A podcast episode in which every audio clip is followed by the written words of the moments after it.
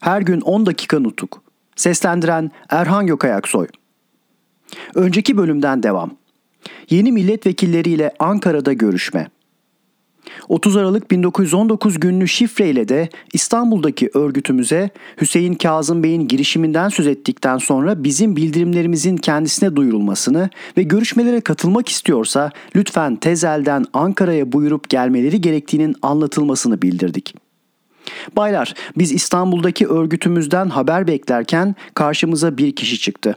Bunun kim olabileceğini kestirmede güçlük çekmezsiniz sanırım.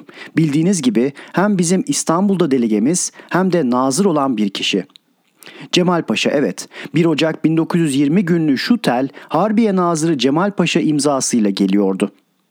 20. Kolordu Komutanlığına Mustafa Kemal Paşa Hazretlerine İstanbul'da bulunan milletvekillerinden bir grubun bize başvurarak verdikleri yazılı isteklerini olduğu gibi aşağıda sunuyorum.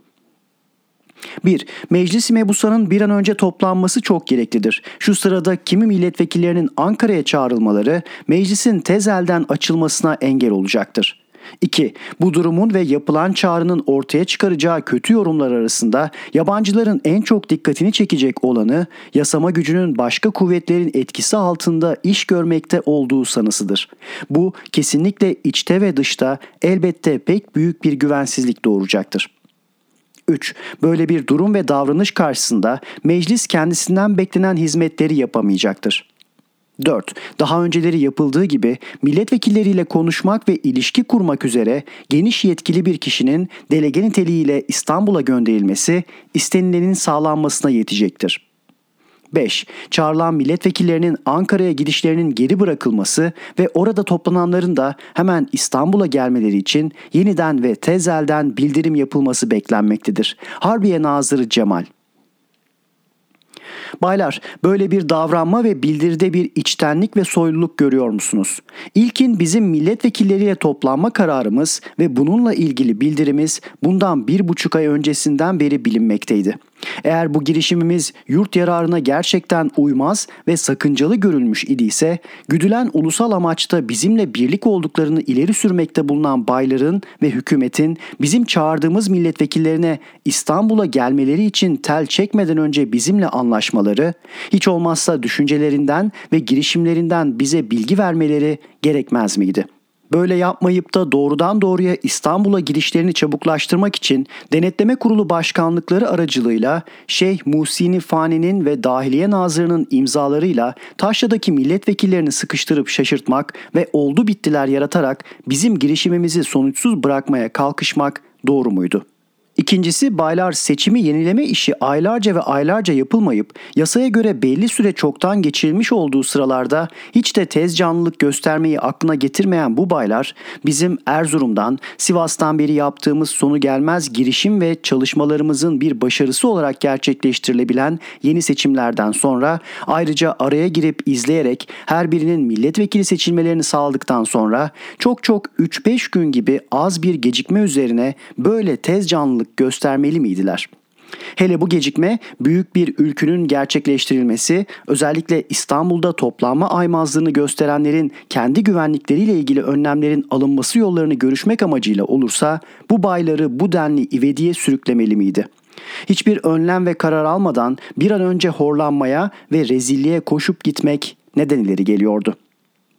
Üçüncüsü baylar temiz ve lekesiz arkadaşlarını aldatarak İstanbul'da kendilerinin içinde bulundukları tehlike ve aşağılama çemberine tez elden sokmak isteyen bu baylar Anadolu ve Rumeli Müdafaa Hukuk Cemiyeti'nden değiller miydi?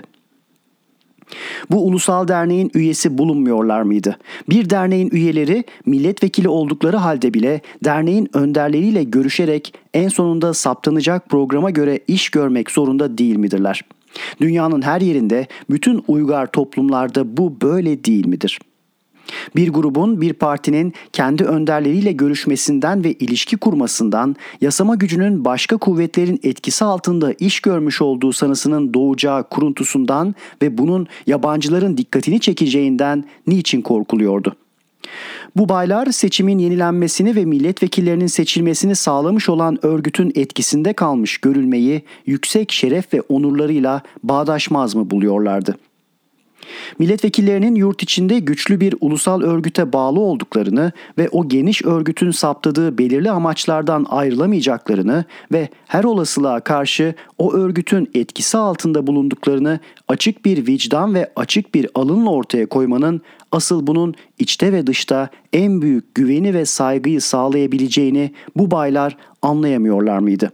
Ve dahası böyle bir vicdan ve inanç sağlamlığı içinde belirli ulusal amacı gerçekleştirme yolunda her tehlikeyi göze almaya hazır bir durum ve davranış alınmadıkça meclisin kendisinden beklenilen hizmetleri yapamayacağını anlamak kahinliğe mi yoksa yapıldığı gibi saldırı ve aşağılamaya uyuşukçasına boyun eğmeye mi bağlıydı?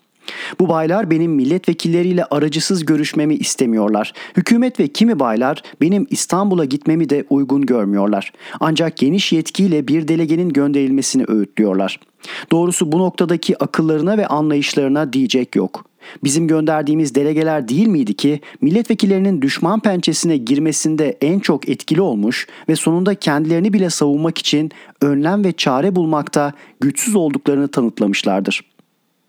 Milletvekillerini kendi başlarına çağırmada aldatmayı ve olup bittiye getirmeyi başaramadıktan sonra bize bildirim yaptırmayı istemekte gösterilen yumuşaklık da pek ince değil midir baylar? Saygıdeğer baylar, bu sözüne ettiğim tele yanıt olarak ilkin şu kısa şifreyi yazdım.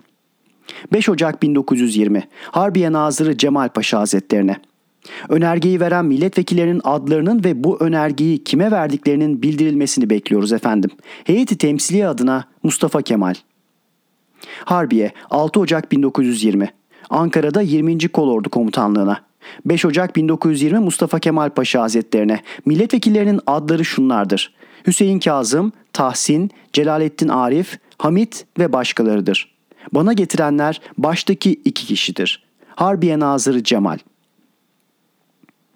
Baylar sonradan bize verilen bilgiye göre bana tel çeken kişiler milletvekillerinden bir topluluk değildi. Sadrazam kendi tanıdığı Hakkı Bey adında bir kişiyi Siverek milletvekili olduğunu öğrenmesi üzerine ve Hüseyin Kazım Bey'i yanına çağırarak bana kısa bir tel yazdırmış. Bu teli kimi kişilere elden imza ettirmişler.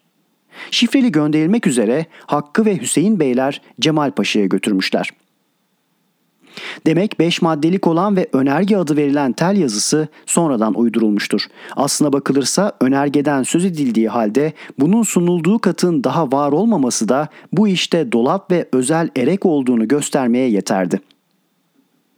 Meclis yeni açılmıştı ve meclis başkanlığı daha görevine başlamış değildi. Bununla birlikte Cemal Paşa'nın bu telini aldıktan sonra şu şifre teli yazdım. Ankara 9 Ocak 1920 Harbiye Nazırı Cemal Paşa Hazretlerine Hüseyin Kazım, Tahsin, Celalettin Arif, Hamit Beyefendilere Ankara'ya gelmenin kötü yorumlara yol açacağı üzerine Harbiye Nazırı Paşa Hazretleri aracılığıyla bildirilen görüşlerinizi öğrendik. Konu yurdun ve ulusun varlığıyla ilgilidir. Meclisi Milli'de ulusal örgüte dayanan güçlü grup kurulmaz ve Sivas Genel Kongresi ile ulusun bütün dünyaya duyurduğu kararlar büyük çoğunlukça bir inanç ve bir ilki olarak benimsenemezse ulusal hizmetimizin sağlayacağı başarı boşa gider.'' Ülke bir felakete uğrayabilir. Bundan dolayı bir takım vatansız ve dinsizlerin propagandaları bizim için uyulacak ilke olamaz. Amaç ulusun esenliği ve yurdun kurtuluşudur. Bir iki günlüğüne buyurmanız ve karşılıklı görüşerek ülkü birliğine varmamız bizce pek önemlidir. Buna göre tutulacak yolun seçilmesi yüksek görüşünüze bağlıdır. Saygılarımızı sunarız efendim. Heyeti temsiliye adına Mustafa Kemal. Bayburt'ta bir yalancı peygamber. Saygıdeğer baylar, İstanbul'un değindiğimiz ve açıkladığımız can sıkıcı durumuyla uğraşırken yurdun doğu ucunda da bir yalancı peygamberin ortaya çıkardığı önemlice ve kanlı bir olay geçiyordu. Bu konu üzerine 15. Kolordu Komutanlığından birçok raporlar geliyordu. Bayburt'a 4 saatlik yerde Hart köyü vardır. Bu köyde oturan Eşref adında bir şey halka Şiilik aşılıyormuş. Buna üzülen Bayburt müftüsü ve hocalar şeyhi çağırarak sorgu çekmek için meydana getirdikleri bir kurulu Hart'a göndermişler ve yerel hükümet adına şeyhi çağırmışlar. Şeyh bu çağrıya gelmemiş. Hükümetçe 50 kişilik bir birlik gönderilmiş. Buna büsbütün kızan şeyh müritlerini başına toplayarak birliğe saldırmış. Silahlarını ve cephanesini almış, erlerini ve subaylarını tutsak etmiş ve kimilerini de şehit etmiş. Bunun üzerine çevredeki bazı birlikler Bayburt'a gönderilmekle birlikte işin kan dökülmeksizin barış yoluyla bir sonuca bağlanması yeğe tutulmuş. Şeyhin yanına hocalardan ve üst subaylardan meydana getirilen birkaç kurul gönderilmiş. Hükümete boyun eğmesi için öğütler verilmiş.'' Böylece boşuna 16 gün geçirilmiş. En son giden Erzurum Kadısı Başkanlığındaki kurulun ricası da Şeyh Eşref üzerinde bir etki yapmamış. Tersine şeyh bunlara hepiniz kafirsiniz, kimseyi tanımam, boyun eğmem, savaşacağım. Tanrı bana şeriatla görevlisin dedi yolunda bir ultimatom vermekle birlikte bir yandan da köylere şeriat iyesi ve beklenen Mehdi imzalarıyla bir takım bildiriler göndererek halkı aldatmış ve kendisine katılmalarını sağlayarak baş kaldırmış. Bunun üzerine Bayburt'a gelip 9. Tümen'in komutasını ele alan Yarbay Halit Bey 25 Aralık 1919 günü yeterince kuvvetle Hart'a gider. Şeyh topladığı ayaklanıcılarla karşı koymaya karar verdiğinden topçu ve piyade birliklerinin şeyhle çarpışması ve savaşması gerekmiştir. Bu sırada şeyhin adamlarından bir takımları da Hart'a yardım etmek üzere yakın köylerde toplanırlar. Sonunda Yarbay Halit Bey'in Bayburt'tan doğrudan doğruya bana gönderdiği 1 Ocak 1920 günlü şifresinde dediği gibi Hart olayı yalancı peygamberle oğullarının ve adamlarından kimilerinin öldürülmesi ve Hart'ın alınmasıyla sonuçlanmıştır. Halit Bey bu şifresinde milletvekilleriyle ilgili kimi bilgiler de verdiğinden kendisine 1-2 Ocak 1920 günü şu şifreyi yazdım. Hart olayında siz kardeşimin elde ettiği başarıyı kutlar ve milletvekillerinin Ankara'ya gelmeleri yolundaki çalışmalarınıza teşekkür ederim. Mustafa Kemal her gün 10 dakika nutuk. Seslendiren Erhan Gökayaksoy